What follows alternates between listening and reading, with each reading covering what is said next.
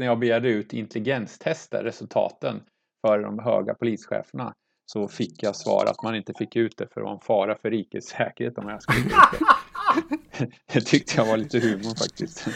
De måste ha varit väldigt dåliga.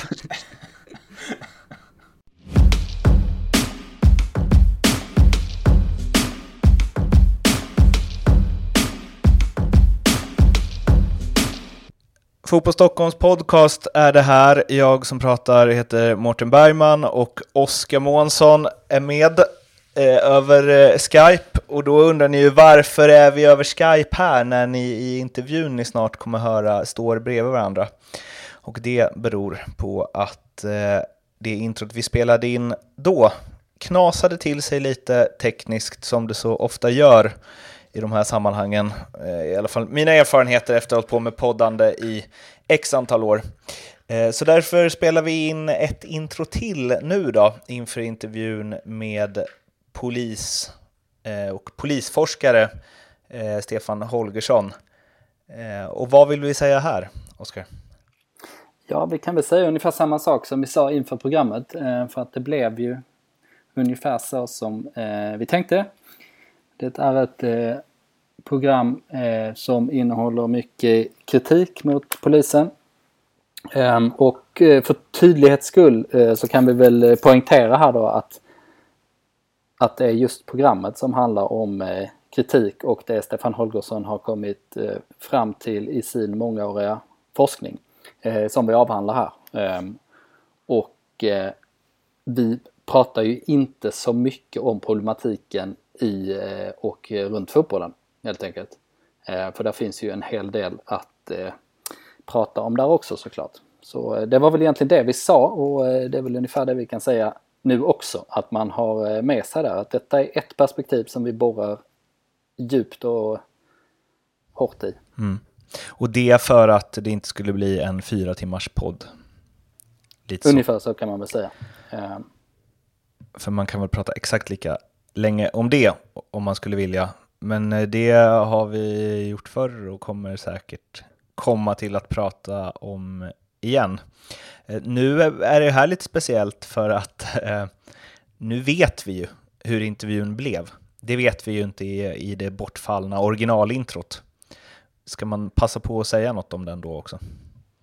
Vi kan väl eh, säga så mycket som att... Eh, Håll i hatten.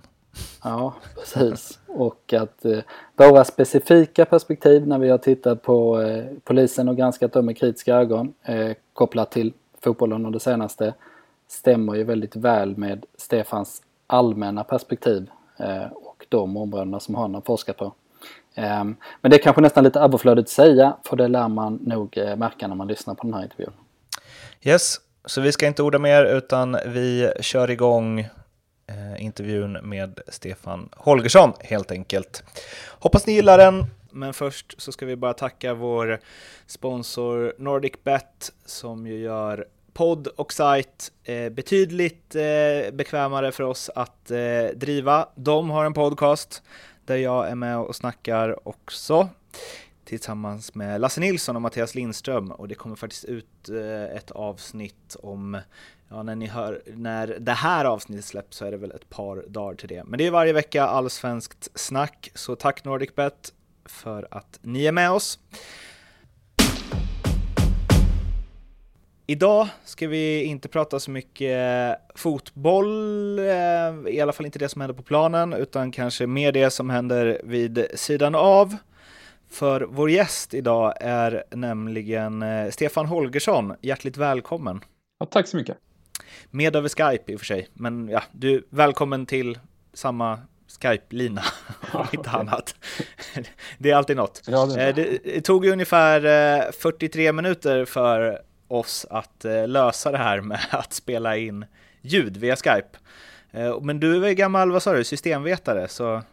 Ja, min bakgrund är att jag gick systemvetenskapliga programmet först och sen, sen blev jag polis och sen så, så började jag forska parallellt med att jag eller ja, samtidigt som jag ehm, eh, arbetade som polis då, då eh, bedrev jag forskning i rollen som polis. Så att jag har jo, bakgrund som, som IT-människa från början.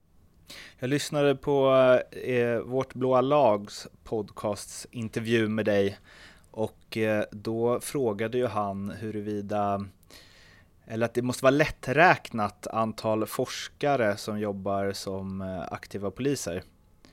Eh, och då sa du att eh, ja, om man kan räkna till ett så är det inte så svårt. Nej, det stämmer. Det finns, det beror lite på om man räknar som aktiv polis. Det finns en till som, men det var länge sedan den personen liksom hade uniform och så på sig. Då. Ja, okay.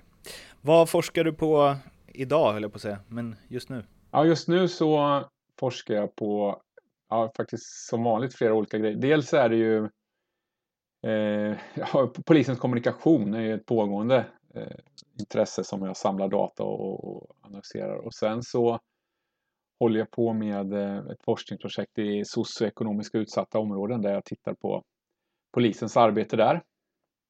Eh, och sen faktiskt håller jag på med ett projekt som precis har startat om korruption inom polisen. Eh, där, och då är det inte monetär korruption på det sättet utan det är vänskapskorruption och andra typer som kanske inte alltid räknas i det svenska systemet som korruption. Så det är det som jag gör just nu. Då. Jag har inte ens sagt hej till dig Oskar. Hej! Nej, jag är ju också med i det här avsnittet. Välkommen in i spelet! Tack! Eh, det ska bli intressant att höra vad du har att säga Stefan. Eh, du och jag har ju pratat lite tidigare under dagen. Ja. Eh, och man kan ju säga vi har ju ett fotbollsperspektiv såklart. Vi skriver mycket om det som händer eh, kring fotbollen kopplat till polisen. inte minst nu när det är en väldigt kritisk situation måste man ju kunna säga. och du och jag har ju noterat att mina, ska man säga, mina upplevelser som, som jag har av polisen och kommunikationen där eh, verkar ju stämma väldigt väl med dina eh, allmänna slutsatser kring hur kommunikationen fungerar. Ja, um, alltså, ja det var intressant att eh, och, och, prata med dig just därför att du har ju ett väldigt stort fokus just på den här, eh, man säger tårtbiten, medan jag mer tittar på många tårtbitar men har polisen i fokus då. Mm. Men ska vi börja med att du ska få beskriva hur eh, polisen jobbar med sin kommunikation rent allmänt? Ja, polisen har ju en uppbyggd kommunikationsverksamhet sedan ett antal år där man har 190 stycken anställda på kommunikationsavdelningen som har olika uppgifter. Eh, och en del det är väldigt är... många måste jag avbryta det direkt där. 190. Ja, jag tycker det är många om man ser till eh, andra eh, verksamhetsbehov som finns. Eh, däremot så går det alltid att fylla så att man kan få det väldigt jäktigt där också självklart då, för det finns ju mycket frågor som rör kommunikation. Men om man jämför Svenska Dagbladet så är de ju färre där till exempel och då går det att säga att ja, ja men de jobbar inte riktigt med samma sak. Och det gör de ju inte heller då. Men eh, 190 är, det är mycket. Du har ju varit inne lite på det här med, eller lite, ganska mycket om att eh, kommunikationen handlar om att, att skapa en, en fördelaktig bild av polisen. Eh, snarare än att kanske, ska man säga, kommunicera som en kall myndighet. Eh, kan du berätta lite allmänt om de reflektionerna eller de slutsatserna? Ja, alltså när jag har tittat på saker så har jag sett, eller tittat på vad polisen lyssnat eller läst eller på annat sätt tagit del av vad polisen sagt, begärt ut handlingar och kontrollerat eh, vad som ligger till grund för olika saker, vad, vad det finns från belägg för och även intervjuat och olika personer på kommunikationsavdelningen, bland annat och även personal ute. Och där, det man kan se där är att det finns ett väldigt stort fokus på, att, på polisens varumärke.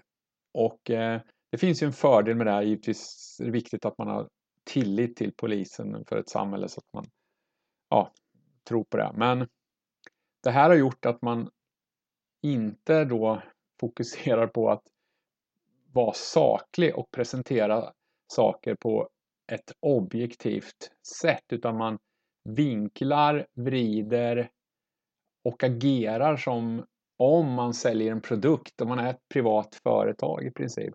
Istället för det här torra, så här är det.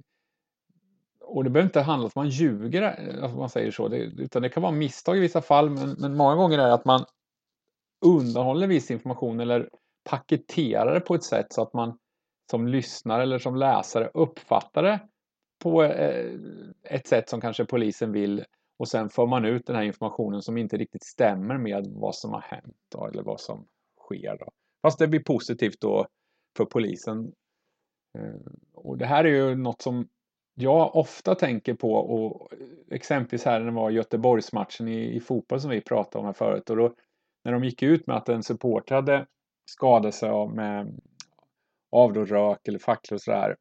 Eh, då, det första jag tänker på när, när det är polisen som lämnar ett sådant budskap är det här passar, budskapet passar ju väldigt bra. Vad är, stämmer det? Alltså jag, när jag studerat det här så ser jag att det hela tiden kommer ut information som passar polisen väl. Och den informationen är inte sällan fel. En märklig grej med det är ju att om det finns några man tänker inte ska kommunicera som ett eh, privat företag eller kommersiellt företag så är det just polisen. Det ska ju vara det torraste av det torra. Ja.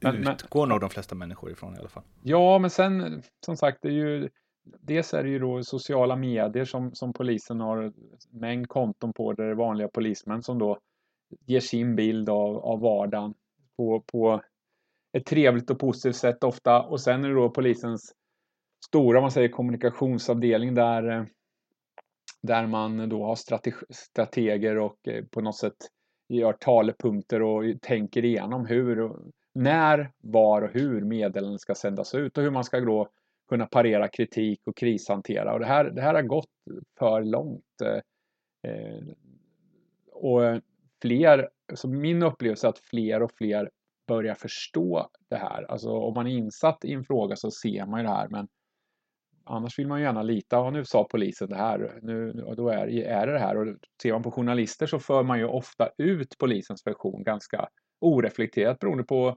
tidsbrist och att, att helt enkelt det är den information man har.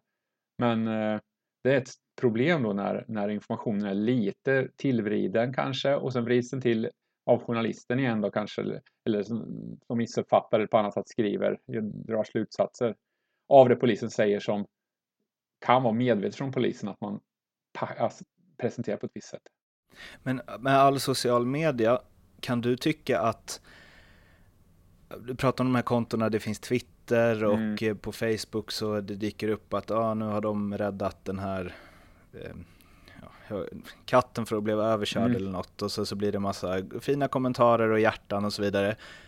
För det är ju också en del av att på något, stan, på något sätt så här förmänsk, alltså sätta en människa bakom ja, exakt. Det... poliserna. Kan du tycka att det också är fel? För jag tänker att om man väl börjar tumma på supertråkigheten mm. så kan det ta, eh, ja, kan det svänga åt både dåliga och bra grejer.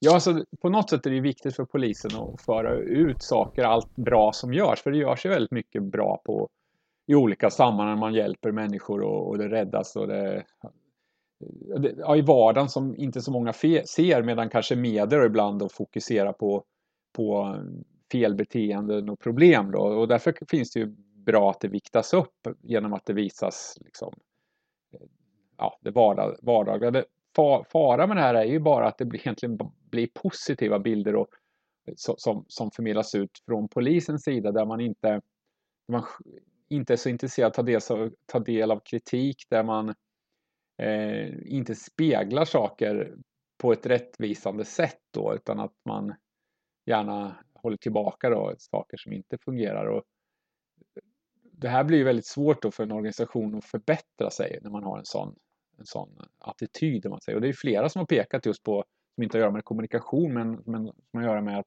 polisen är väldigt eh, dåliga på att lära sig saker och att man har svårt att se konsekvenser av sina egna handlingar och att man är medaktör liksom till att något händer. Utan man på något sätt är det andras fel. Och man är ett offer för en utveckling.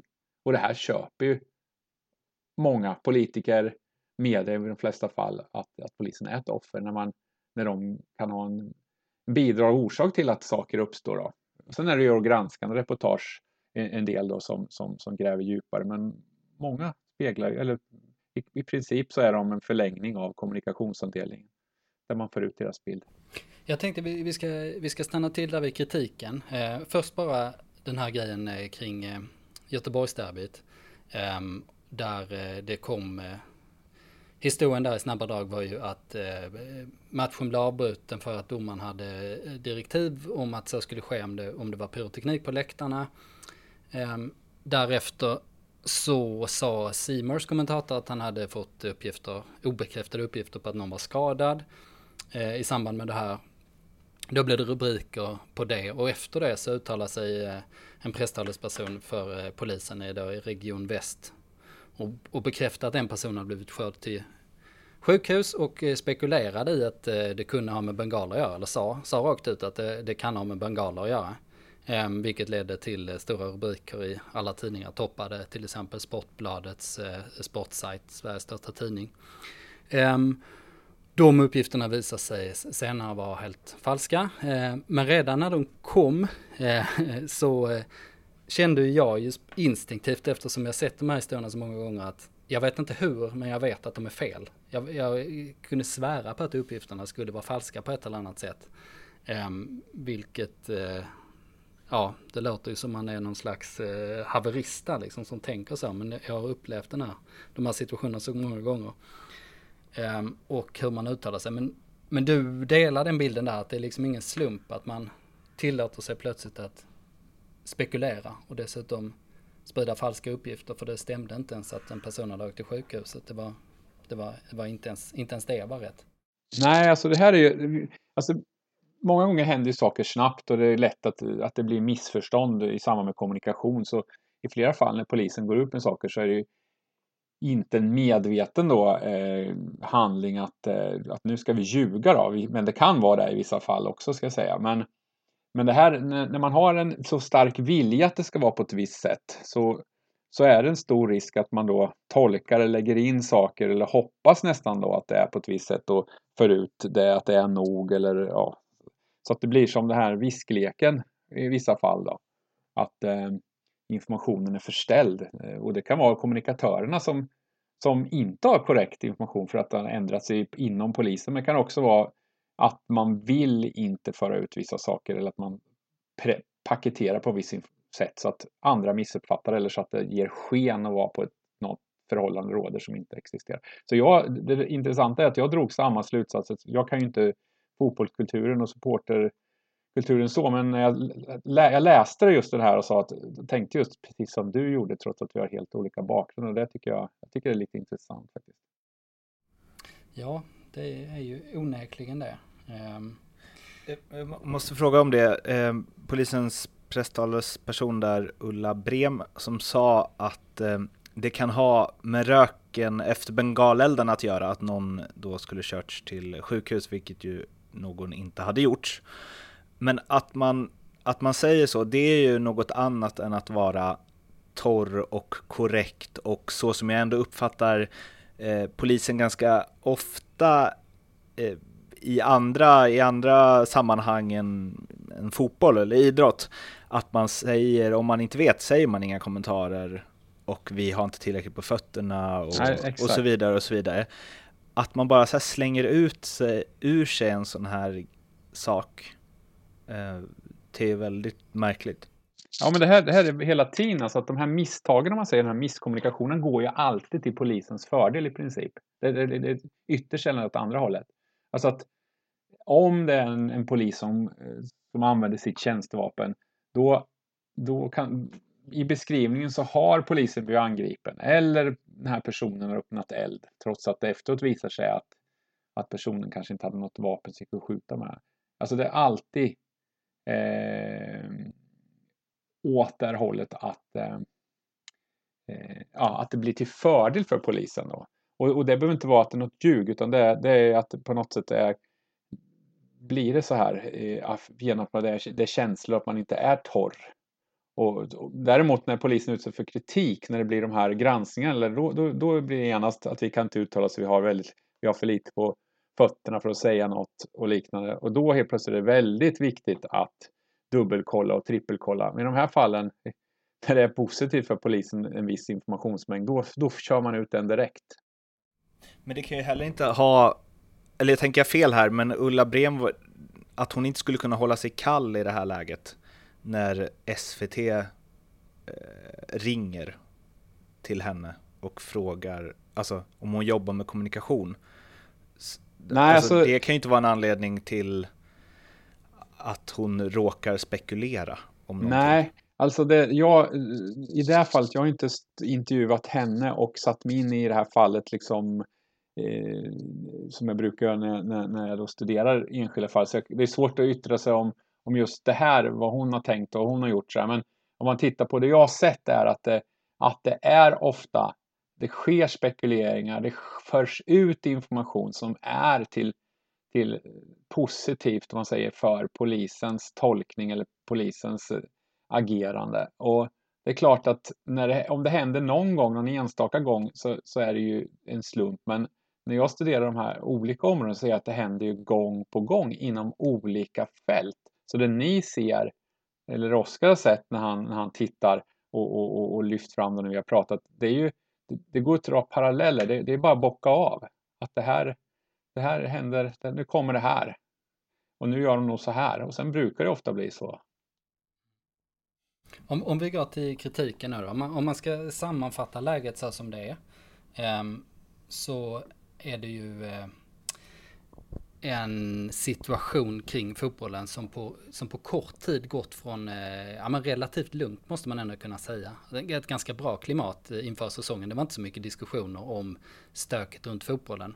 Ehm, och man ser på, eh, på, på det man kan mäta att det blir lugnare och tryggare, färre ordningsstörningar trots en, stö en större publik. Men, och till och med att du är, är försiktig där, det är väl det eller så länge jag har bott i Stockholm, det vill säga hela mitt liv nästan, och har följt allsvensk fotboll så var det väl det lugnaste någonsin. Ja. Alltså de senaste åren. Så skulle man kunna säga. Och i alla fall att den här samverkan har gjort, eh, eh, har ju funkat verkligen mellan de olika parterna i, eh, runt fotbollen. Eh, till då att på två månaders tid har blivit den eh, mest kritiska situationen på länge. SEPs SEFs generalsekreterare Mats Engqvist kallar det för en krissituation. Eh, eh, fotbollsförbundet har ju också varit ute på samma sätt nu i, i sin eh, kommunikation och, och liksom Henok Goitom, AIKs lagkapten, frågar om, om det här skulle pågå tills någon dör och så vidare. Det är liksom den, den stämningen har vi fått, fått nu plötsligt och kritiken mot polisen ligger inte bara på kritiknivå utan det ligger ju snarare på raserinivå vad det är från klubbar och eh, andra. Och då till exempel senaste derbyt 10 minuters tystnad från en hel arena i en gemensam aktion mot, enbart mot eh, polisen. Lite Riksidrottsförbundet också får man väl säga där. Men, men det är ju liksom den samlade bilden. Eh, och eh, det har gjorts massor med granskningar om hur polisen har eh, eh, agerat och spridit falsk information. Och nu har vi hamnat där att, att de igår publicerade 19 Eh, en, en, en, skrivelse på sin egen hemsida där man intervjuar sig själva med 19 frågor kring den här situationen. Och inte ens där i ett enda ord gick det att skönja någon typ av självkritik. Ehm, det var liksom sammanfattningen. Vad, vad, tänker du om det, Stefan, och eh, kopplat till din forskning? Ja, alltså när det gäller min forskning så är det bara en bock. Det, det här är ett vanligt förfaringssätt när det börjar, när det blir jobbigt, när det blir mycket kritik. Då intervjuar man sig själv. Det, är oftast, det är inte sällan en hög chef som intervjuas av en, någon på kommunikationsavdelningen och ger, ger intryck av att det var en intervju men det är givetvis väl genomtänkt vad gäller vad det ska stå.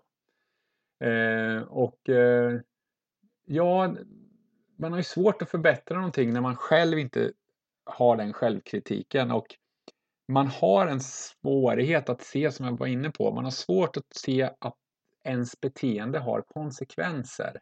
Utan det här sätt och, och då ta i med hårdare tag har ju någon, på något sätt en, en god ambition. Alltså det finns ett, ett mål liksom att det ska bli något bättre av det här.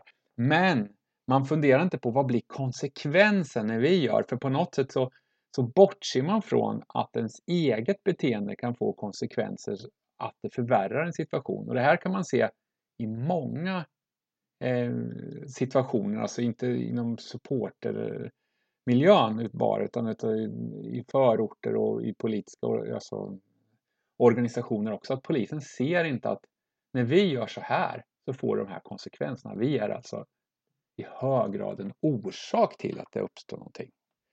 Det har polisen otroligt svårt att se. Det finns det enskilda polismän som ser och är jätteirriterade. Det finns även chefer som ser det men som har andra positioner.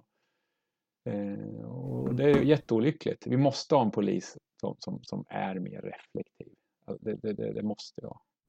Varför är det så då? Varför kan de inte ta till sig kritik?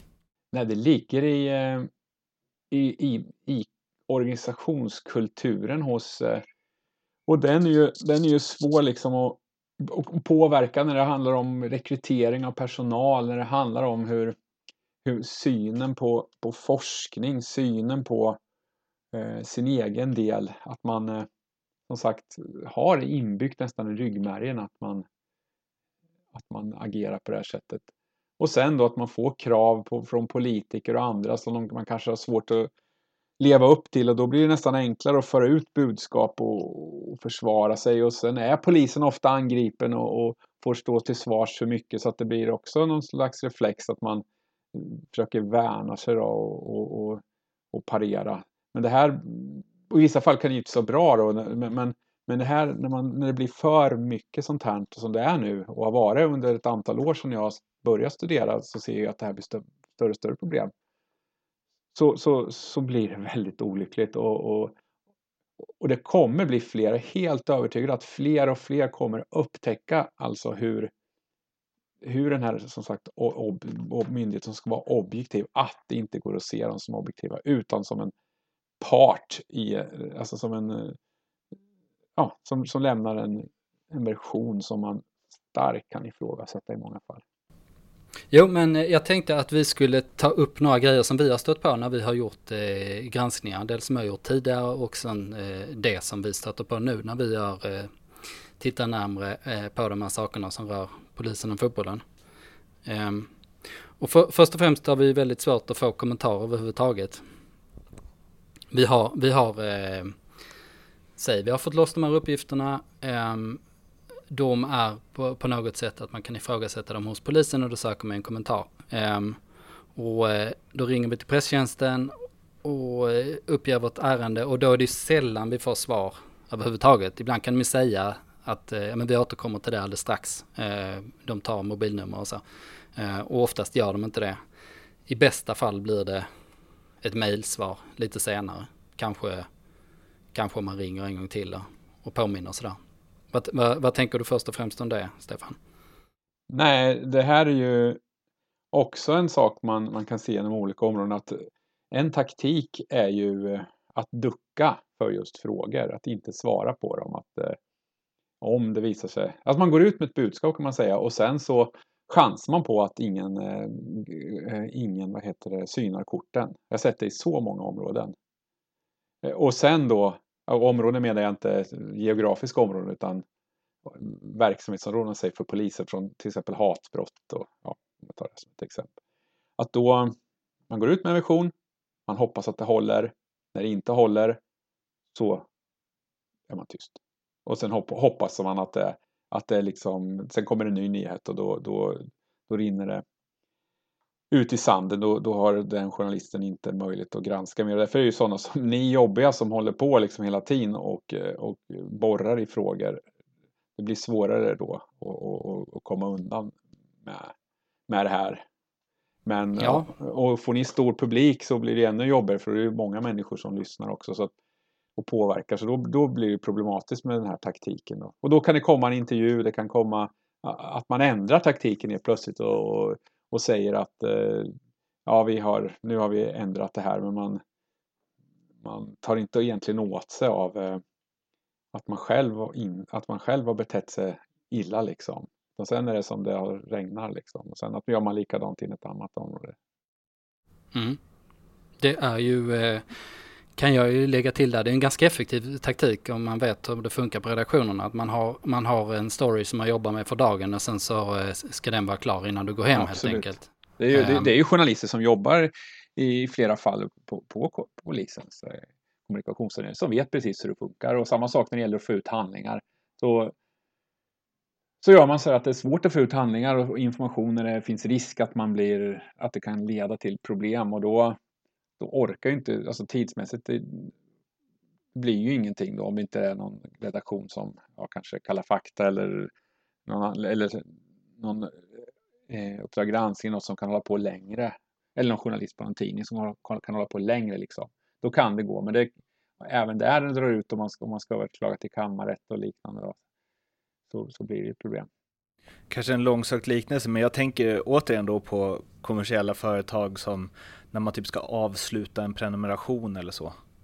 Så är ja. det liksom 25 klick för att göra det. Ja.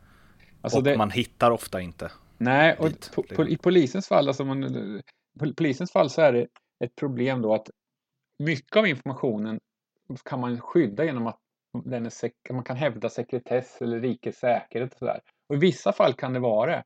Men här, det man gör är att man överutnyttjar den möjligheten och sen då litar då andra myndigheter på att ja, men här har säkert polisen gjort en bra bedömning.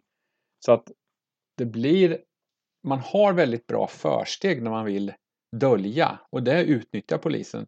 Och sen kommer då in människor som inte har en juridisk eh, utbildning, inte, inte riktigt förstår vikten av offentlighetsprincipen utan mer ser det ur en kommunikationsaspekt då och inte förstår att det här är en myndighet som, som det är väldigt viktigt att följa offentligprincipen, att vara transparent, att vara saklig som också står i regeringsformen. Då. Men, utan man ser det att det här är en, vi ska sälja en produkt, vi ska stärka varumärket, det är det man sätter i främsta rummet. Och det här blir ett jätteproblem och det här kommer genomskådas av fler och fler när, när man ser hur polisen gör då.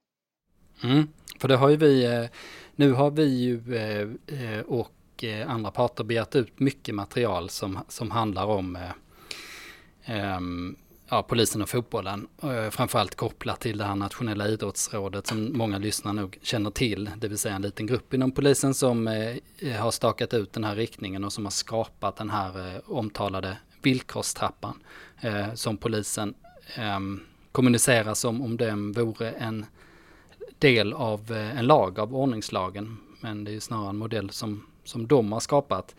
Um, hur som helst, det har ju vi och andra begärt ut eh, eh, protokoll som det här idrottsrådet har haft, som man kan då eh, göra enligt eh, offentlighetsprincipen. Men då, men då har vi stött på de här grejerna som du tar upp. Eh, dels att det tar väldigt lång tid att få svar. Ehm, dels att eh, de grejerna vi fått ut är extremt eh, maskade, att de har kört tippex över det mesta, eh, liksom, så det är egentligen obegripligheter man får ut. Ehm, och sen var det det också du sa, det här med um, rikets säkerhet uh, var ju en, uh, en paragraf de hänvisade till uh, för, för att skydda medlemmarna i det här idrottsrådet. Bara vilka som ingick i det helt enkelt, vilket kan tyckas lite... Hur kan det vara? Rikets säkerhet. Ja, precis. Det kan ju ifrågasätta lite de proportionerna. Ehm, dessutom... Eh, jag kan eh, säga en rolig sak när jag begärde ut intelligenstester, resultaten för de höga polischeferna. Så fick jag svar att man inte fick ut det för att vara en fara för rikets säkerhet om jag skulle ut det. det tyckte jag var lite humor faktiskt. De måste ha varit väldigt dåliga. Ja, nej, men när, när var det här då? Nej, jag jag har skrivit om det i, i den här rapporten, ursäkta men vi, jag kommer inte ihåg vad den heter. Ursäkta, vi är faktiskt polisen och vi står över lagen, tror jag den heter. Som vi gjorde förra sommaren, där har jag med lite sådana exempel. Och så det var ju, vad kan det vara, två år sedan. Det är verkligheten överträffar dikten alltså. Ja, jag tyckte det var, jag, tyck, jag skrattade flera gånger. Det var flera saker i den processen. Jag, ibland är det så att jag har handlingar för att jag fått den internt. Men sen så ber jag ut dem bara för att se vad som ska hända. Alltså för, eh, och, och, se om de, för då kan det hända att de säger att de inte har handlingarna, det vet jag att de har eftersom jag själv har dem och sådär. Men eh, det, det, blir ju det blir lite roligt, det blir ganska roligt när de, när de då använder vissa avslag. Men då undrar man, begärde du ut det för att jävlas med dem eller för? Nej, alltså jag har inte, jag begär aldrig ut för att jävlas. Jag är intresserad av hur polisen agerar när, när, när det handlar om exempelvis offentlig princip, när det handlar om att och föra ut budskap. För då, då vill jag ju se egentligen se vad, vad händer här med, med när jag ber ut det här. Eh, så att jag har inte något eh, sånt syfte utan jag vill veta, alltså få reda på vad, eh, hur tänker man och vad gör man i de här fallen. Eh, och i det här fallet vill jag titta på vad, eh, eh, vad händer om jag ber ut de här handlingarna. Och den processen följde jag ända till kammarrätten där jag vann. Men då hade polisen förstört de handlingarna som jag hade bett ut, det vill säga de högsta chefernas tester. Jaså, vadå att man hade?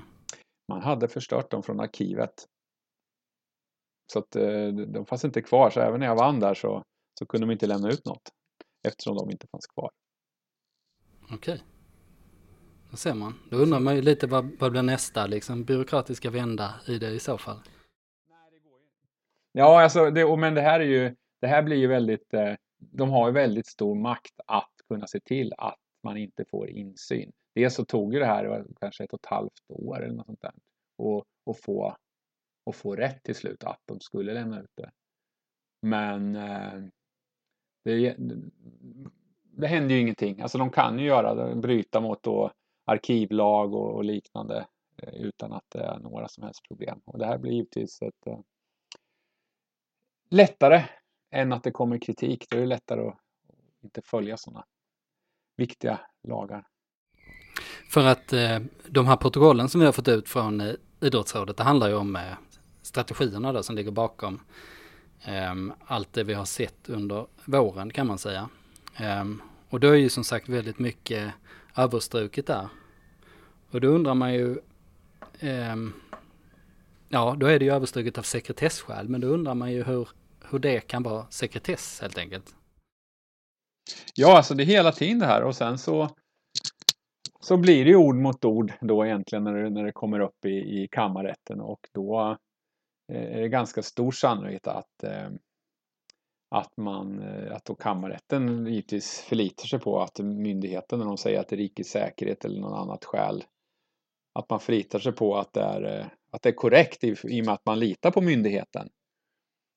Och jag fick till och, till och med ett utslag en gång från kammarrätten i Stockholm där det står vi litar på polisen. Jag tyckte det var också rätt intressant.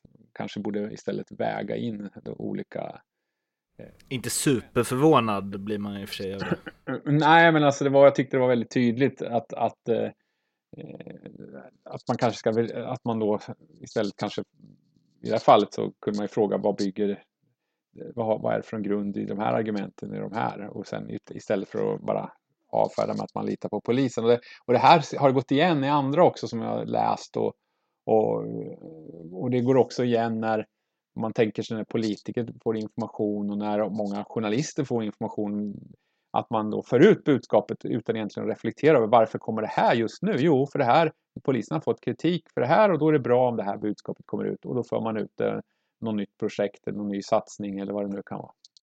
Nu, det här kommer vara lite luddigt, men ett sådant exempel var ju när hela den här grejen drog igång nu, så var om det var något derby där det hade varit riktigt liksom mycket stök och eh, vi fick in massa vittnesmål om poliser som hade betett sig illa och så vidare och det Twitter och eller sociala medier svämmade över av sådana filmer och då tror jag om det var det var nog inte samma kväll, det var nog kvällen efter eller om det var morgonen efter så hade ju SVT lokalt då, i Stockholm hade ju eh, jag rapporterade om att det hade varit stökigt kring den här matchen och så hade de ett uttalande från en polis som sa att supportrar hade stök och, så, och that's it. Det var inget mer än det.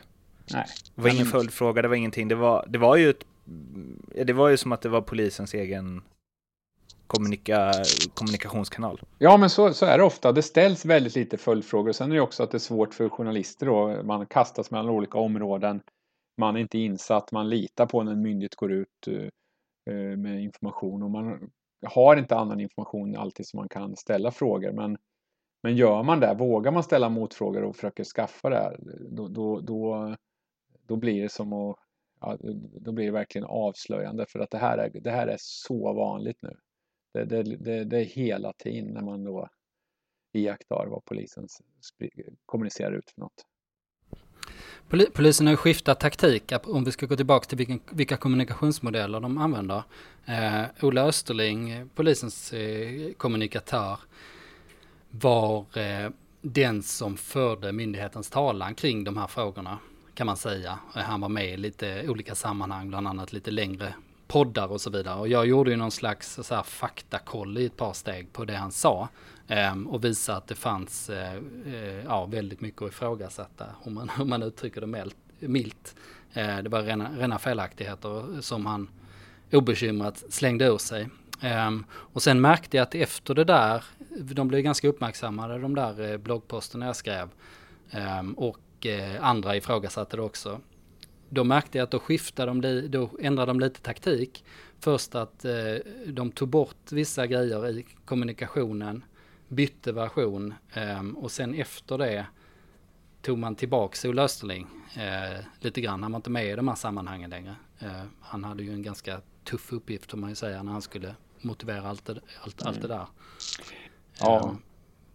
Tankar om det? Nej, jag vet ju att, eh, jag vet ju att eh, Ola hade möte med då presschefen i, i, i Stockholm efter det här och, och vad de sa, det vet jag inte, men det drog sig säkert upp taktiker hur man skulle hantera det här och sen skedde ju en förändring efter det.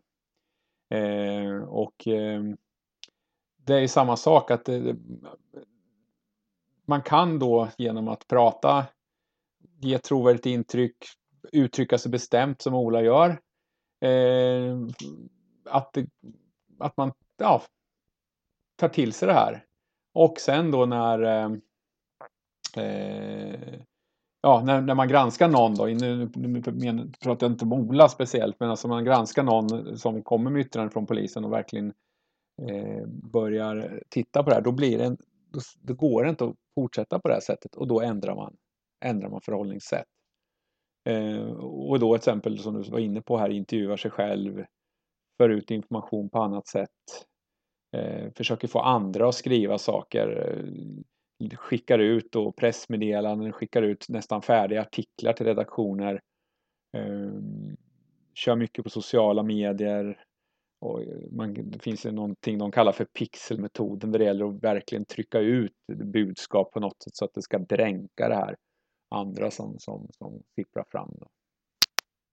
Den sista metoden känns ju svår just nu ehm, eftersom de har fått liksom en allmän opinion mot sig, eh, vilket jag skulle säga är första gången ehm, just, just kring fotbollen.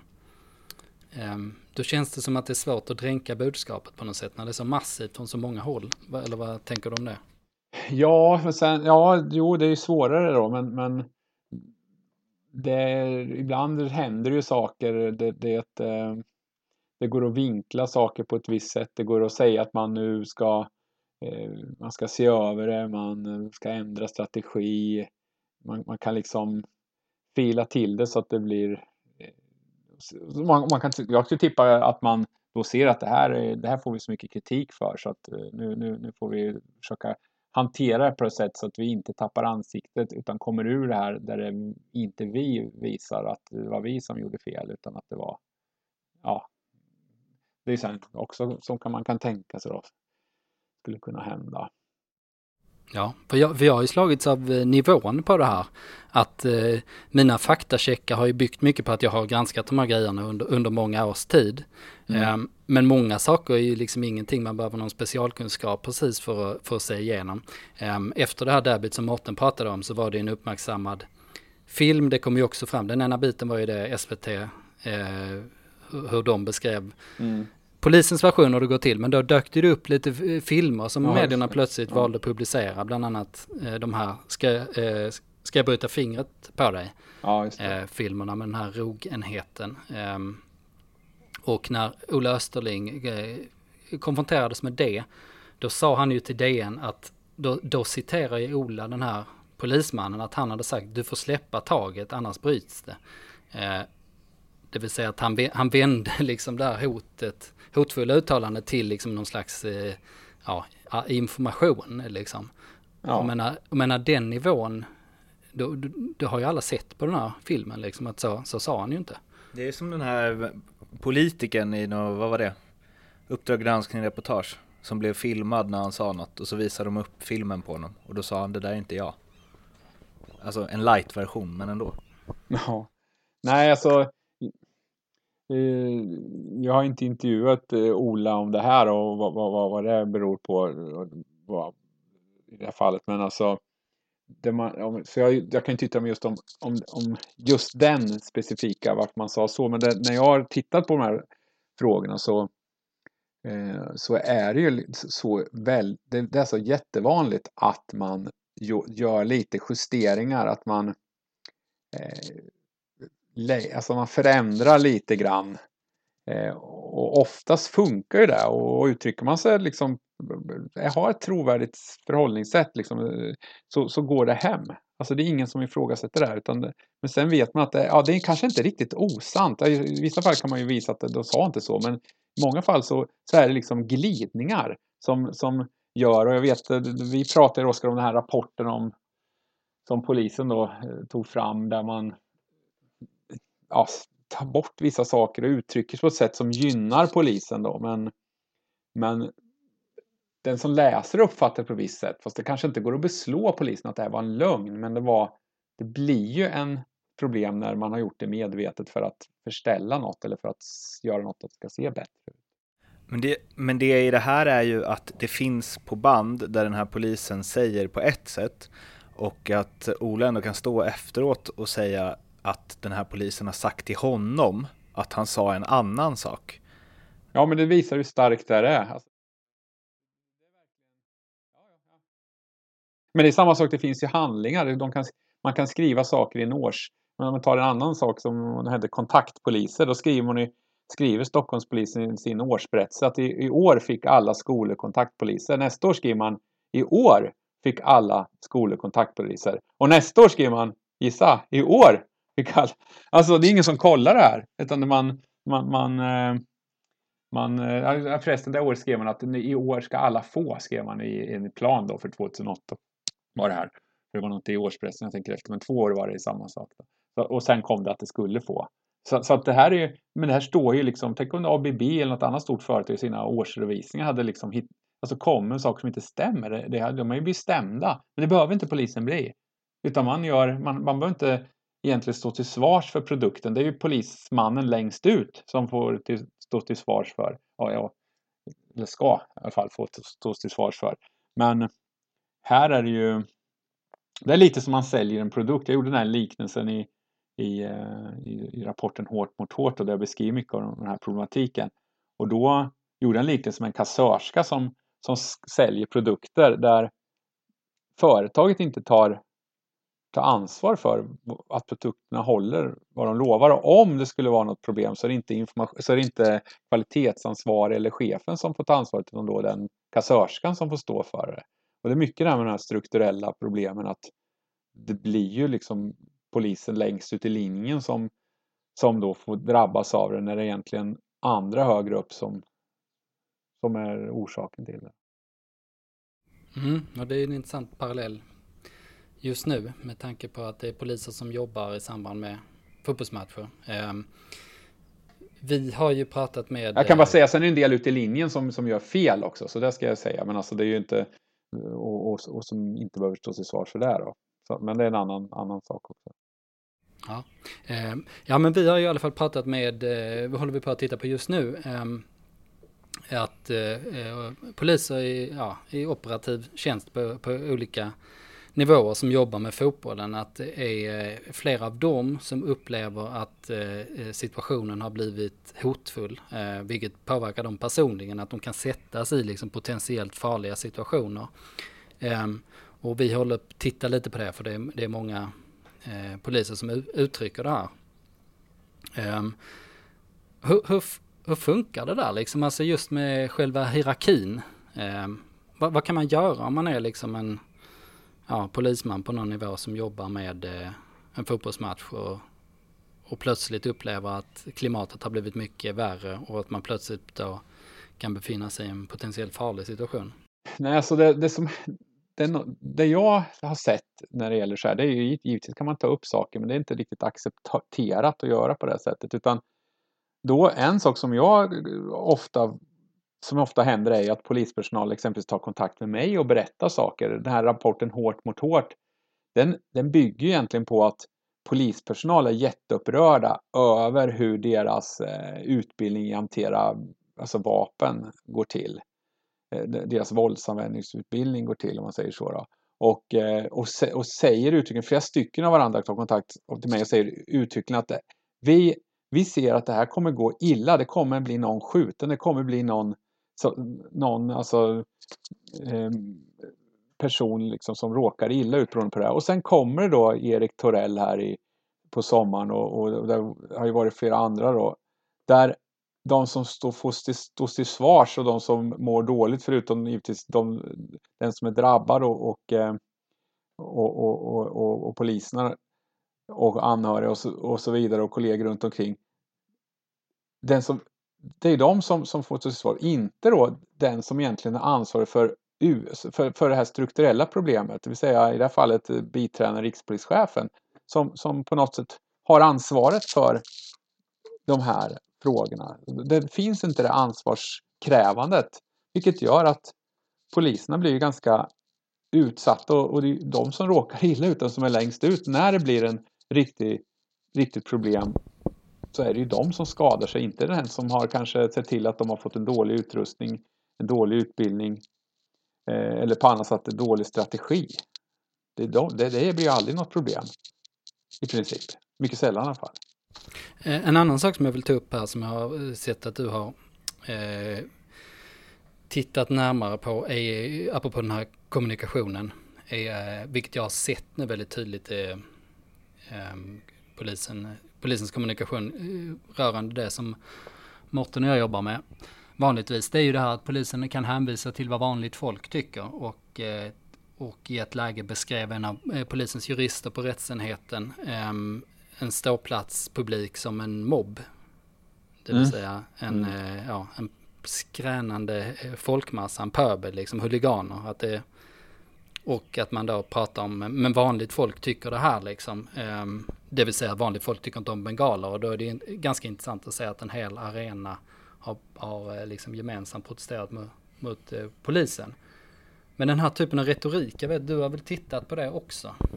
Ja, just det. Och det, det här ligger ju i de här egentligen konfliktreducerande principerna. Att det är viktigt att liksom inte se en massa som, eh, som homogen. Och i det här fallet, jag känner inte till det här yttrandet, liksom, men, men jag vet att det, är, att, att det är ofta att man ser en gruppering som en massa, men att polisen då ett antal år så, så blev man bättre och bättre på det här. Eh, men frågan är vad som har hänt nu då på vissa fronter. Ja, det var eh, mycket kritik på en gång kan man väl säga. Mm. Um, Vätskepaus. Mm. Ja, det är viktigt, det är viktigt liksom att också lyfta fram alltså att polisen, det är lätt, nu pratar vi om förbättringsbehov liksom, så finns det ju saker som fungerar bra också och, och personal som gör bra saker. Men, det är ju, men nu måste man ju också nu är ju det den frågan vi pratar om, liksom, den här. Så då är det klart det blir så. Mm. Vi har pratat om att de är bra på att framhäva det själva. Mm. Också. Mm. Så vi ja. kanske inte behöver göra det nu. Nej, så, så, så kan man också se det. Men det, det är ju ändå Ja, det är lätt, det är lätt inte man, man granskar något att, det, att man kanske blir, blir slagsida. Men eftersom det här är svårt att komma fram så tycker jag att det är viktigt att det, att det just blir slagsida för att kunna väga upp den, den stora liksom, informationsström som polisen förmedlar. Ja. Men man undrar, hur, hur är din relation till myndigheten nu då? Alltså jag har, jag har väldigt mycket support från olika hierarkiska nivåer. Så kan jag säga, både högt och lågt. Men eh, det är oftast inofficiellt kan jag säga. För att det blir ganska stor eh, problem om vissa skulle liksom gå ut officiellt och stötta mig eftersom det är chefer på central position som, som starkt ogillar det jag kommer fram i min forskning. Eh, och det, det jag kommer fram till i min forskning utmanar givetvis varumärket eftersom jag pekar på förbättringspotentialer, ja, om man nu säger problem då som kan, man kan komma till rätta med. Eh, och det här har ju varit under lång tid och jag har på något sätt vant mig, men jag tycker givetvis att det är lite synd att man inte kan ja, inte på ett lättare sätt kan eh, påverka. Då. Nu är det ju människor i olika ställen i linjen som lyssnar så det blir ju ändå effekt. Då. Men, Vissa saker är svåra att rubba och ändra på. Är det tufft för dig personligen? Nej, jag har, nej, det har faktiskt inte varit. Jag har, haft, jag har så himla bra stöttning, alltså framförallt då, eller hela tiden i stort sett från de närmsta cheferna och då blir det faktiskt inget jobbigt. Och sen då från kollegor runt omkring och, och från andra som är inte runt omkring som liksom stöttar på olika sätt. Så att, nej, för mig har det faktiskt inte varit alls jobbigt. För mig och sen kan det också vara försvarsmekanismen, rationalisering som, som jag inser att jag kanske också ägnar mig åt när jag då alltid när det händer någonting med, som jag drabbas av så, så säger jag ordet, eller säger jag vad intressant. Jag känner verkligen så. Vad intressant att, att de gjorde så här. Vad intressant att jag, att jag fick bedömning att jag inte kan läsa och skriva utan hade de lägsta värdena när, när polisen skulle bedöma mig om jag skulle få en annan tjänst.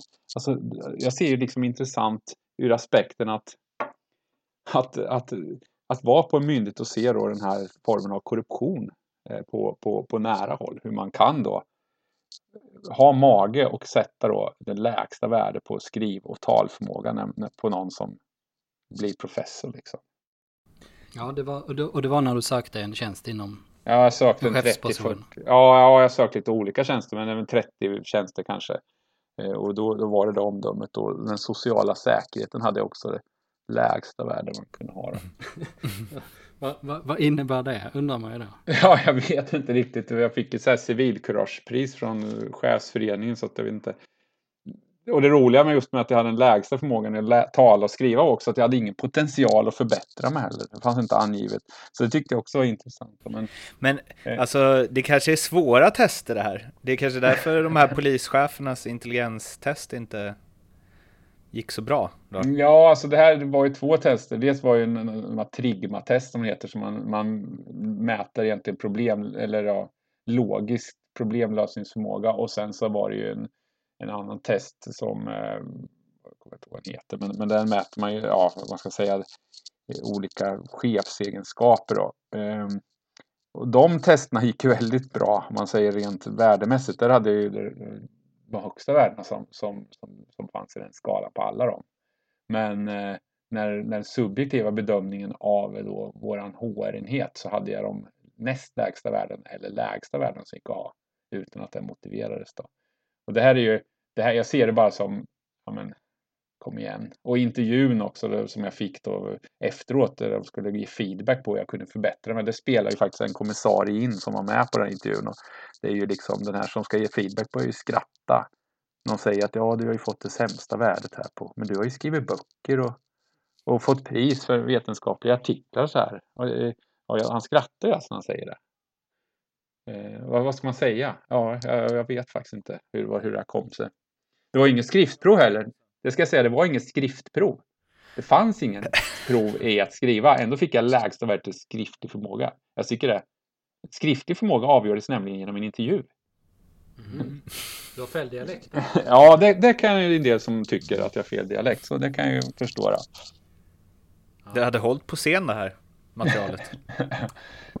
Ja, ja det hade ju det. Um, ja, jag, jag, tänkte att vi ska eh, eh, betta av ett eh, ämne som har med fotbollen till att göra. Um, och det handlar ju om eh, våldet från eh, poliser, eh, vilket jag har eh, granskat för Offside för eh, tre år sedan tror jag det var. En, en granskning som fick ganska stort genomslag. Ehm, och i samband med det så pratade du och jag också om mm. det. Stefan. Ja, det kommer jag ihåg. Ehm, och eh, den statistiken eh, är intakt sedan dess. Det är fortfarande ingen polis som har blivit eh, fälld för, för misshandel i samband med fotbollsmatch av någon åskådare. Um, och de här fallen jag tog upp visar man ganska tydligt att, att uh, när de gick till uh, intern, polisens internutredningar då som ska vara en oberoende part så, så brydde uh, utredarna eller åklagaren om det väcktes åtal. De brydde sig inte om att utreda helt enkelt. De höll inga förhör eh, eh med, eh, ja, in, inte med den misstänkte. De tog inga vittnen helt enkelt. De, de struntade i det väldigt tydligt i vart fall. Ehm, och eh, den här saken, jag vet att eh, du har varit lite inne på att, att, en, att en anledning till att det ser ut så skulle kunna vara att, att om en polis blir dömd för misshandel, att det skulle få så pass stora konsekvenser. Eh, att man borde ha något annat system.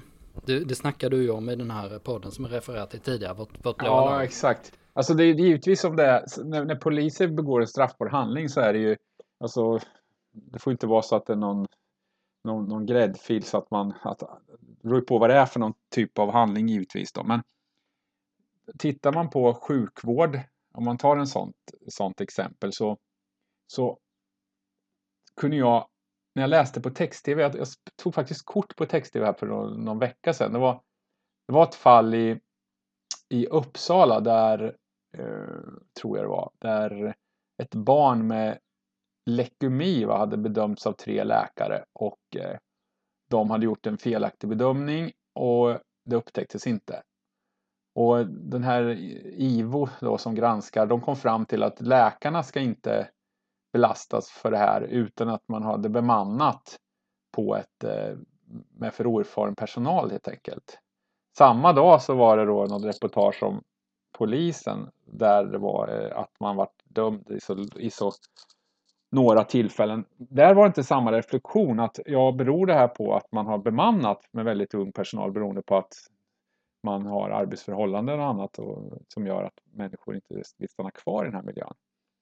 Det, det, är också synen på som jag ser att, mm, att, att man ser lösningen att det är en juridisk en juridisk lösning på det här så är det jättesvårt att komma till rätta med beroende på att polispersonalen har en rätt och, skyldighet i, i många fall att agera, vilket gör att det blir väldigt i många aspekter svårbevisat att, eh, att det är ett brott. Och dessutom så, så är det också lätt att kanske göra fel det är lätt att det blir, blir saker som, som snarare rör sig om misstag och sådär som, som kanske inte ja, men som är svårt att bevisa att det, att det skulle vara något annat. Och eh, så länge man är fokuserad på den juridiska processen så kommer det inte leda till någon förändring. Det kanske går någon enstaka polis som, som då blir fälld i något, i något fall. Men, men om man då tittar på utbildning så, så, som, som, som jag menar är ett problem. Men också en oförmåga att ta bort personer som inte funkar på vissa positioner. I ett fotbollslag och ishockeylag så, så, så är det ju väldigt vanligt att någon som inte kanske fungerar, att man tar bort den eller att den får en annan position. Men inom polisen så kan ju, kan ju vissa individer då fortsätta år efter år och det här väcker ju jätteirritation bland andra poliser som, som får stå till svars för det här på olika sätt och genom att de, de, tycker att polisen får kritik eller att de själva hamnar i en våldssituation eller att ja, de tycker helt enkelt fel på etiskt sätt. Jag har ju massor med exempel av polispersonal som vänder sig till mig och är jätteupprörda eh, över, oftast ganska få i antal, men som gör om och om igen. Och det här måste, det är ett strukturellt problem att man inte kan hantera och det kommer man inte till rätta med juridiska processen för det här. Förutom att någon enstaka kanske någon gång då, men utan här måste man ha andra och då är det ju ett sätt ungefär som Lex Maria eller Lex Sara eller något liknande att man har möjlighet att lyfta upp problem på ett helt annat sätt. Som man piloter gjorde för, för länge sedan när de hade problem med, med sin eh, incidentrapportering då. Då, då kunde de helt enkelt börja få en bättre fungerande verksamhet. Men här inom polisen så är det ju inriktat på att straffa den enskilda polismannen när det kanske är den som har till exempel ansvar för, för bemanning, för eh, andra saker inom polisen som egentligen borde straffas. Det har ju hänt vid något tillfälle ut internationellt att, eh, jag tror det Genua, alltså vid rättegången angående det 2009, som polisen fick då ett jättestort skadestånd beroende på, eller inte fick, de fick betala ett stort skadestånd beroende på att de inte hade sett till att polispersonal hade rätt utbildning och utrustning. Men här, här är det aldrig något tal om det, utan här är det ju nästan alltid att det, att det fokuseras på den enskilda polismannens fel, vilket i vissa fall är det den enskilda polismannen som gör fel. Och i vissa fall är det polismän som eh, kanske inte gör juridiska fel, men som inte klarar av press eller som på annat sätt inte är lämpliga av en miljö eller gör misstag för ofta eller är för stressad för ofta. Eh, fast kanske bra på andra saker, men de ska inte vara i den här miljön. Eller har dåliga, helt enkelt för ofta, för trött och för arg. Men, men han är på, eller hon är på bra humör så kan det funka jättebra. Så att, men då ska inte den vara där. Det måste gå att lyfta ut. Man har startsamtal, men det är aldrig, vad jag vet, någon som, ja, idag är jag trött och så jag är väldigt dålig. Ja, ja, då kanske inte ska jobba då. Jag har aldrig varit med om att det är hänt, utan ja, då ska vi, ja, och sen får nästa berätta, jag mår bra. Och så vidare. Ja. Så, så att det här är ju hela, hela, hela strukturen kommer man inte till, problem i strukturen kommer man inte till rätta med. På det vad, sättet. Tänk, vad, tänker du kring det här att eh, det inte görs några eh, ut, utredningar där på när det hamnar hos en utredare eller åklagare på Nej, alltså det, har ju gjorts undersökningar på, på, på sådana saker och man har sett att, att, att det är liksom en inriktning på att skriva av ärenden där det finns väl en, att det ibland kallas för avskrivningsenheten och liknande i vissa sammanhang. Då. Samtidigt så, så gör ju de här en bedömning av att eh, hur sannolikt det är att kunna driva det här till, till åtal, det vill säga att det ska stå utom rimligt tvivel att det här är ett brott. Och, och då med tanke, jag skriver ganska tydligt om det i, i, ett, i en av de första kapitlen, här Sätta hårt mot hårt, och verkligen förklara varför det är så svårt eh, att just driva de här juridiska frågorna. Så då, då kanske man gör en bedömning då eh, att det här är på tidigt stadie, att vi ska inte lägga ner tid för det här kommer inte leda till något. Men det här har ju sett inom andra utredningsområden att man att man då egentligen ser möjligheter att lägga ner något snarare än ser möjligheter hur man kan driva vidare. Och det, det gäller ju även när det gäller internutredningen att man eh, att det finns ett antal fall där, där man inte har gjort de förhör som man hade önskat. Då. Det du pratar om kring att eh, vissa poliser kanske inte är lämpliga för vissa eh, tjänster eller miljö, mm. arbetsmiljöer medan vissa kanske bara har en dålig dag och så vidare. Ja. Att det kanske hade behövts någon form av lex. Variant. Eh, för vi snackade lite om det innan podden började jag och Oskar för mm. jag hade precis lyssnat på din intervju med okay. vårt blåa lag.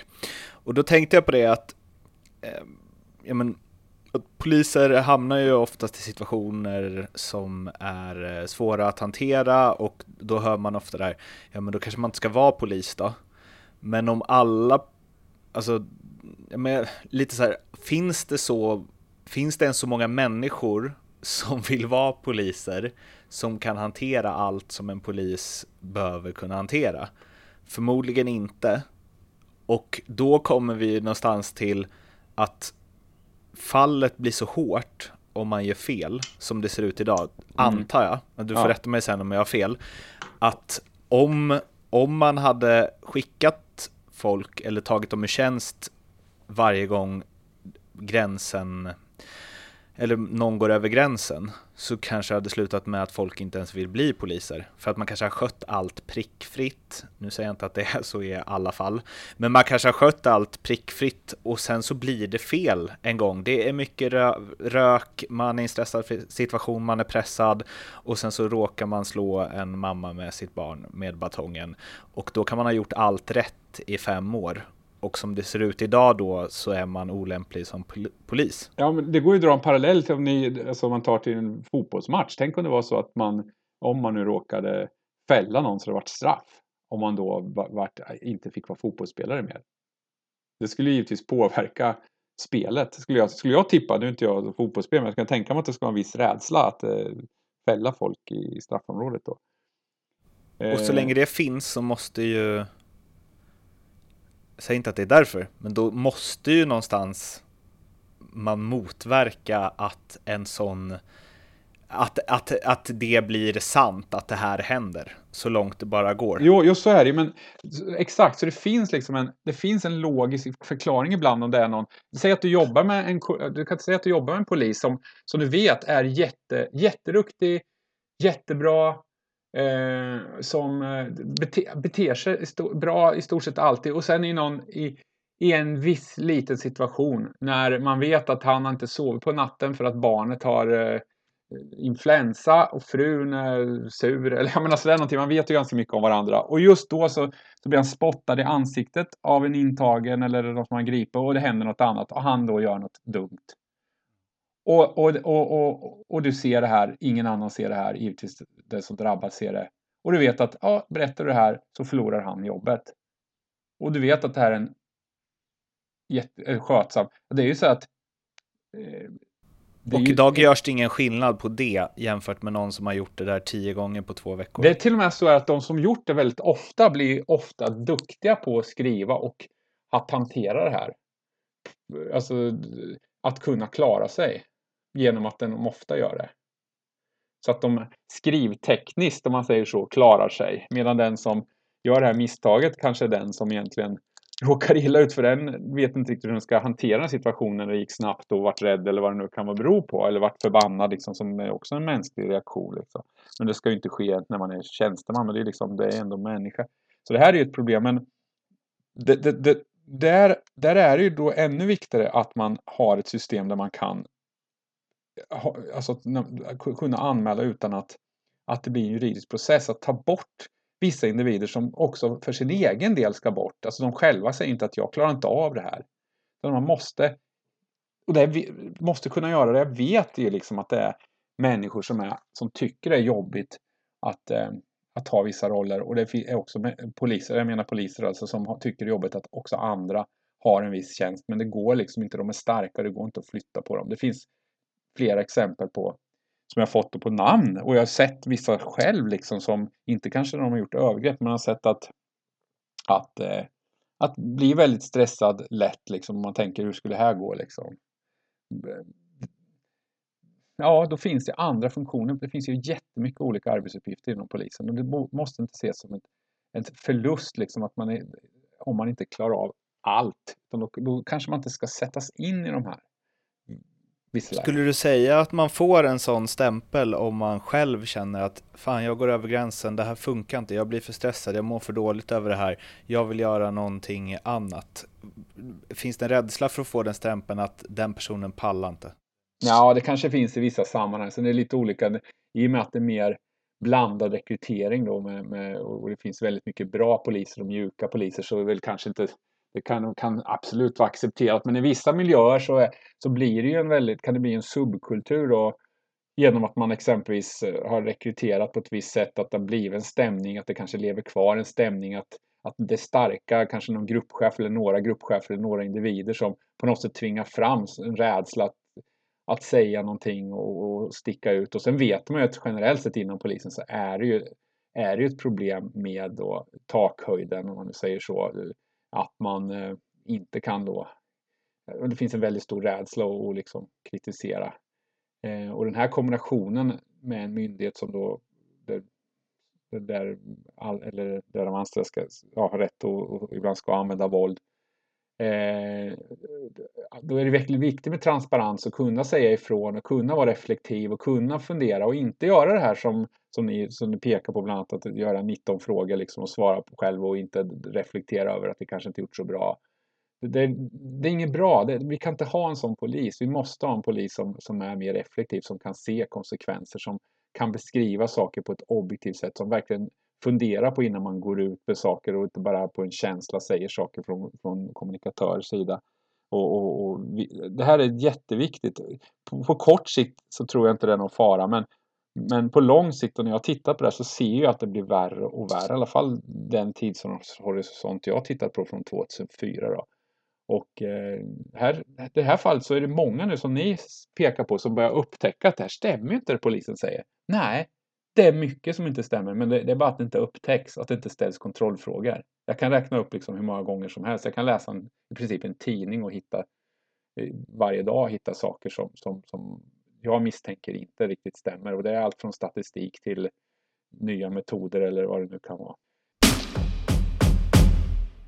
Ja, eh, om vi ska gå tillbaka lite till eh, fotbollen så eh, handlar den här situationen väldigt mycket om pyrotekniken i grunden. Att det är den som är det man träter om och som leder till hela den här debatten och det infekterade klimatet runt fotbollen.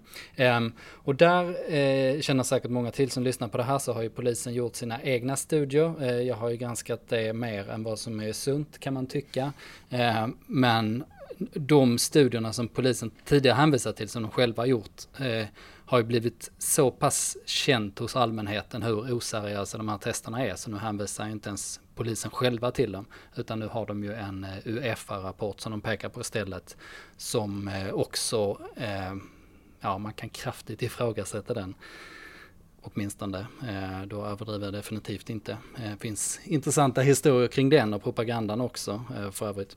Men, men den här, eh, det här sättet liksom att förhålla sig till olika faktauppgifter eller i det här fallet bara uppgifter. Eh,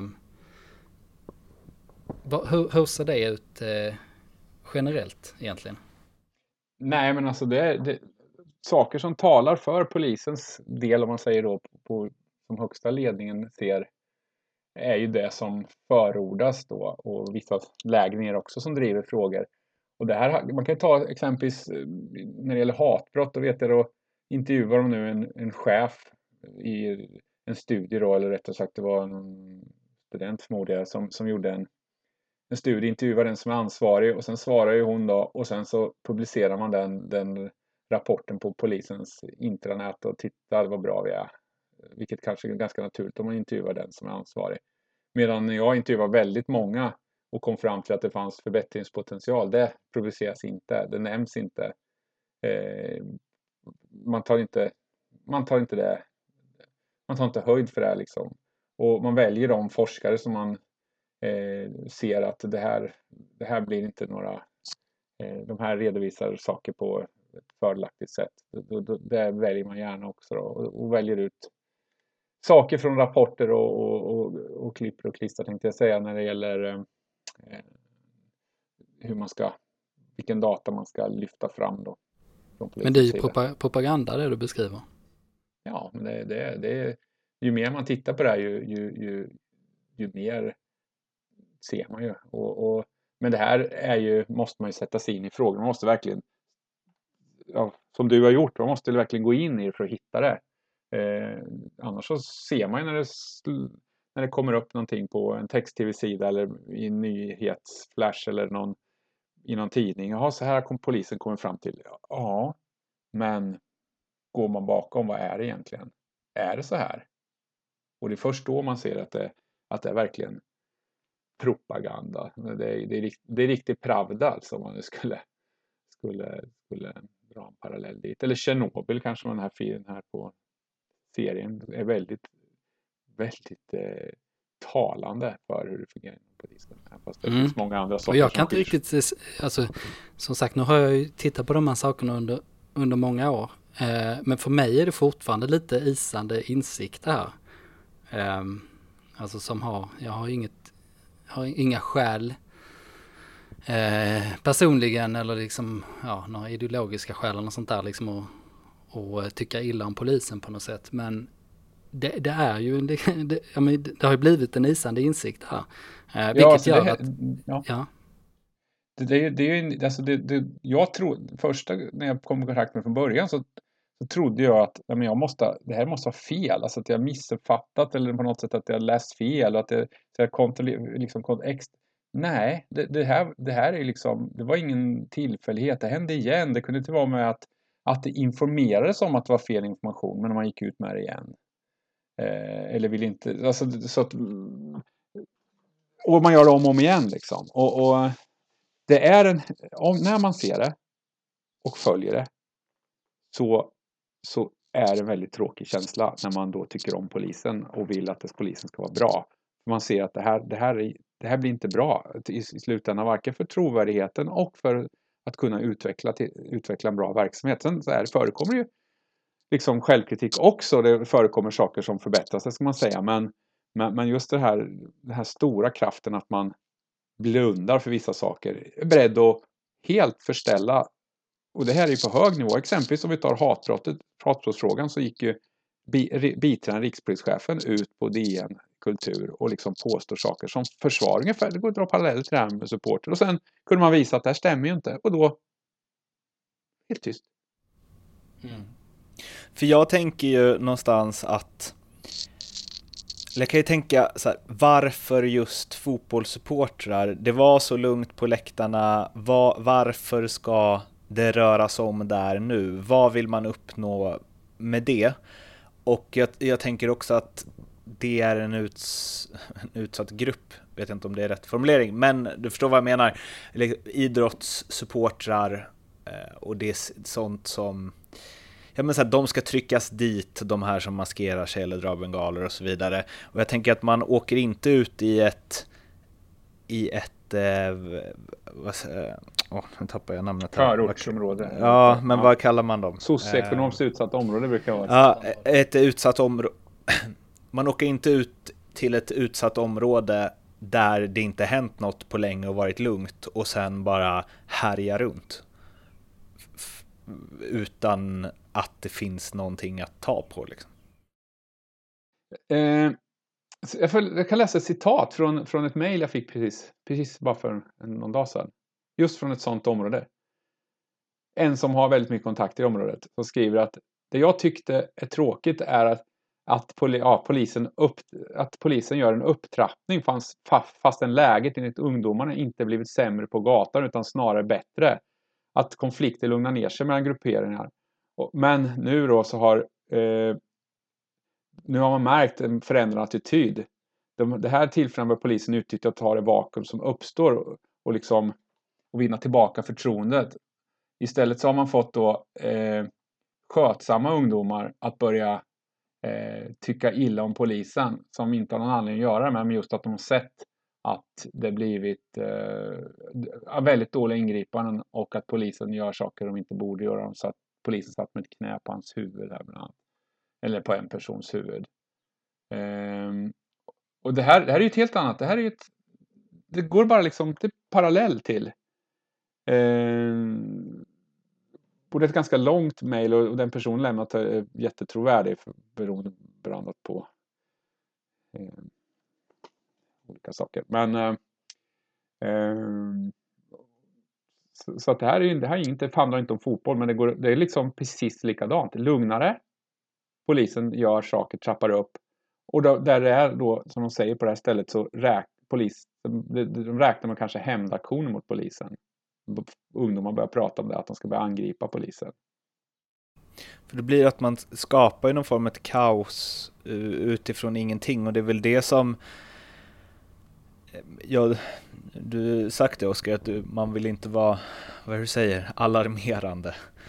Men det som liksom trappas upp nu, det gör ju att, jag vet inte, det blir någonstans att så här, det är svårt att ta på, men så här, hela stämningen kring fotbollsmatcher och liksom det som ligger i luften blir så himla mycket mer aggressivt från alla håll för att folk är rädda och arga. Och till slut så kanske det slutar med något hemskt som ja men där det rent inte så här, det är inte polisen som vad vet jag eh, misshandlade någon men att allt det här som skapas nu ändå ligger till grund till att folks mode när de går på fotboll blir, alltså utgångspunkten blir så mycket sämre än vad den var innan allt det här började. Ja, alltså det, och det, det, här är, det här är ju ett, jag har inte som sagt djupstuderat supporter, eh, man säger polisens eh, ingripande mot det, utan jag har ju, det, det är ju, jag har ju tittat på polisens beteende då inom många fält och där det ni berättar och det, och, och, och det andra berättat och det, det, det, det som redovisas på det, de problem som ni beskriver är ju exakt samma problem som går att se inom den, vissa politiska kretsar som säger precis samma sak om den polarisering som sker, att den är farlig, att det riskerar att bli mer våldsamt. Precis som i vissa förorter, inte alla förorter, men vissa förorter där, där polisen då på något sätt då, eh, beter sig eller vissa polispersonaler, det, det kan vara ju faktiskt enstaka poliser i så fall. Eh, och, så att, så att här, men polisen själv ser ju väldigt sällan sig själv som en aktör som påverkar det eller som en medaktör till att det här uppstår. Utan man på något sätt, vi behöver mer resurser, vi behöver mer lagar, vi behöver hårdare tag, vi behöver nu kan jag inte läktarproblematiken men jag fattar som att man i princip vill i värsta fall tömma läktarna. Att man hela tiden eh, Ja, det är inte så långt ifrån att man, att man stänger ståplats till exempel. Nej, men alltså på något sätt, kan inte den miljön riktigt, men alltså det, på något sätt så, så är det aldrig ens eget beteende som, som blir i fokus. Eh, utan det är, eh, ja, mm. det är andra Vi, som tar konsekvensen. Ja, eh, nu har vi snackat eh, en bra stund, för mig minst sagt. En match. Ja, precis, en fotbollsmatch, har vi snackat Läng. om det här. Vi är inne på Time just nu. Men eh, apropå det Mårten sa, jag, jag har ju sagt det att jag vill ju inte vara en alarmist. Eh, för det, det kommer sällan så mycket gott utav det tycker jag. Men i det här fallet har jag ju verkligen eh, gått åt det hållet. Och jag har ju sagt att eh, jag tror att detta kommer leda till en eh, olycka eller en katastrof. Eftersom den här prestigen är så monumental och läget förvärras hela tiden. Jag tror man måste komma till en nollpunkt innan det kan vändas. Jag tror inte det, jag kan inte se något, något annat scenario framför mig, vilket är superdystert på alla sätt. Liksom. Eh, vad tänker du om det eh, ur alltså, ditt perspektiv? Jag håller precis en bok här som jag, som jag tryckte, fick tryckt igår som heter I demokratins yttersta gränsland som handlar just om behovet av dialog och i det här fallet dialogpoliskonceptet. Men det gäller ju politisk, religiös och, och etniska då, problem då, om man säger så, eller, eller, eller situationer. Men jag ser ju att det finns så väldigt mycket eh, paralleller till då det som händer inom fotbollen nu.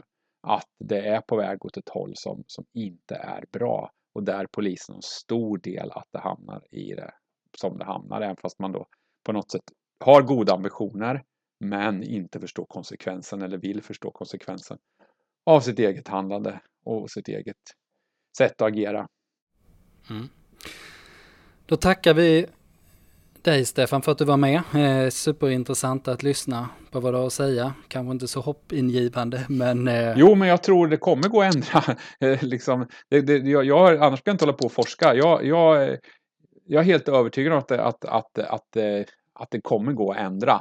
Men det måste, som du säger, det måste på något sätt bli en, en, en uppvaknande hos de som är ansvariga och kanske då ansvariga politiker som sätter en helt annan press på polisen att agera på ett annat sätt.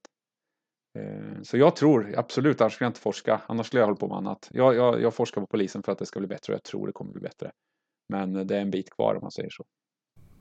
Ja, lite positivt här i slutet, det var skönt i alla fall. Vi håller alla tummar eh, för att eh, ditt arbete och vårt arbete och eh, alla som arbetar för att det här ska bli bättre. Mm. Det, det, är att jättebra det att ni så. granskar på det här sättet för att det är väldigt viktigt att ju fler som kan gå bakom fasaderna, ju svårare blir polisen att fortsätta med på det här sättet och ju större kraft måste de ägna till att förbättra sin verksamhet. Så det, det har stor betydelse. Tusen tack som sagt att du ville vara med och till er som lyssnat, om ni har eh, reflektioner på det här avsnittet så vet ni var ni hittar oss. Det är Fotboll Stockholm på Twitter, Instagram, Facebook och eh, jag och Oskar nås på förnamn.efternamn fotbollstockholm.se. Kom gärna med era tankar där så hörs vi igen någon gång under eh, slutet av nästa vecka skulle jag tippa. Tills dess, må gott och sköt om er. Hej då! Hej då!